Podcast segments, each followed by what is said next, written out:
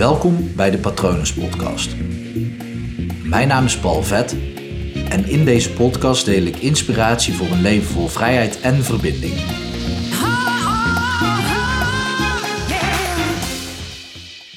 Omdoen in plaats van omdenken, omdat een actie altijd sterker is dan een gedachte.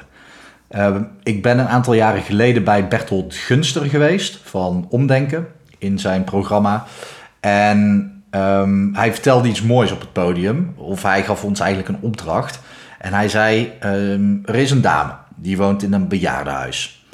En zij woont ongeveer 700 meter daar vandaan. Uh, ze woont daar niet, maar daar uh, verblijft ze overdag. Dus door de week uh, verblijft ze in dat bejaardenhuis. En um, elke avond moet zij dus naar huis.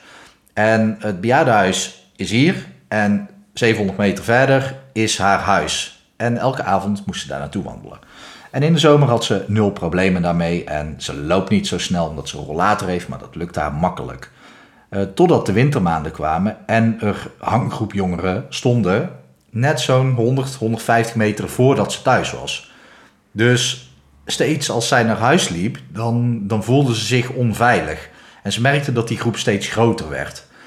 En uiteindelijk durfde ze dus niet meer van het bejaardentehuis naar haar woning te lopen. Dus wat deed ze? Ze moest gewoon anderhalf tot twee kilometer omlopen om bij haar huis te komen, zodat ze zich veilig zou voelen en veilig thuis zou komen. En de opdracht die uh, Bertolt gaf was: oké, hoe zou je dit probleem om kunnen denken?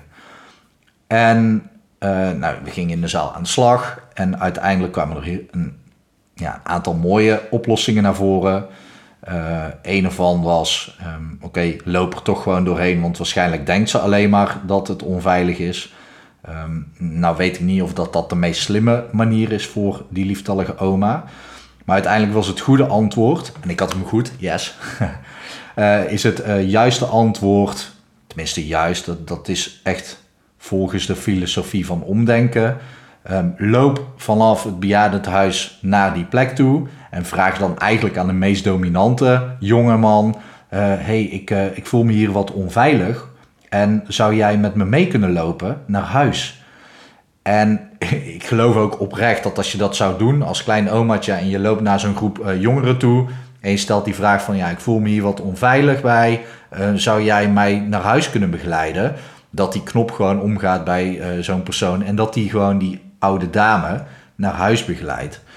Um, en deze aflevering gaat dan over omdoen in plaats van omdenken. Wat nou als deze oma die oplossing heeft bedacht? Al die tijd. Maar ondertussen gewoon uh, steeds die anderhalf tot twee kilometer om, uh, om zou lopen naar haar huis toe. Dan zou er dus niks in haar leven veranderen.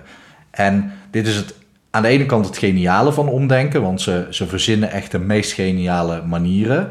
Maar uiteindelijk zal je ook in beweging moeten komen en zal je die omdenkgedachten moeten omzetten naar een actie.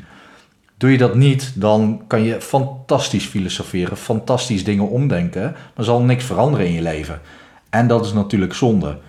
En ik denk dat het heel vaak gebeurt dat je vaak wel weet dat je iets wil doen, maar het eigenlijk niet durft. Of dat je denkt, ja, het is misschien een beetje raar om het te doen. Natuurlijk, voor die oma zou het ook raar zijn om juist die jongeren aan te spreken die haar een onveilig gevoel geven, om haar te helpen met veiligheid. Maar dat is juist de filosofie van omdenken, om daadwerkelijk ook gewoon actie te ondernemen. En ja, doe je dat niet, dan, dan verandert er dus niks. En misschien volg je omdenken wel en zie je vaak inspirerende quotes voorbij komen. Misschien zie je ook wel regelmatig posts van mij voorbij komen en denk je, ja, dat is wel interessant. Het is belangrijk om je gewoon echt even te verdiepen in, oké, maar wat kan dit voor mij betekenen? En welke actie moet ik dan nemen? Wat moet ik dan doen om ervoor te zorgen dat het ook voor mij gaat helpen? Want alleen maar inspirerende dingen lezen, daar word je echt gewoon, ja, daar kom je geen stap verder mee. En dat zou ik zonde vinden. Dus ja, welke uh, inspirerende quote of post van mij of van iemand anders. Er zijn genoeg inspirerende mensen uh, waarbij je inspirerende dingen kan leren. Denk aan 365 dagen succesvol. Denk aan omdenken. Denk aan Edwin Selei van het Hypnose Instituut. Um, ben je ondernemer? Uh, check Tibor Olgers. Um, en er zijn vast ook nog wel heel veel andere inspirerende mensen. Um, Celine Charlotte, Charlotte van Twout is interessant. Ik zit nu even aan vrouwen te denken. Ik volg zelf voornamelijk mannen, ehm, omdat dat voor mij beter werkt. Maar er zijn echt superveel inspirerende vrouwen ook te vinden. Uh, kies degene uit waarvan je denkt: oké, dit vind ik inspirerend. Maar onderneem dan ook actie. Ga ook iets doen. Of volg een uh, online training bij ze. Of nou, dompel in ieder geval onder in de materie, zodat je daadwerkelijk tot een actie komt. Dat wilde ik even aan je meegeven. Ik ga nu naar een bejaardentehuis omdat uh, Sinterklaas daar komt voor mijn neefje. Dus die ga ik even begroeten en gaan we even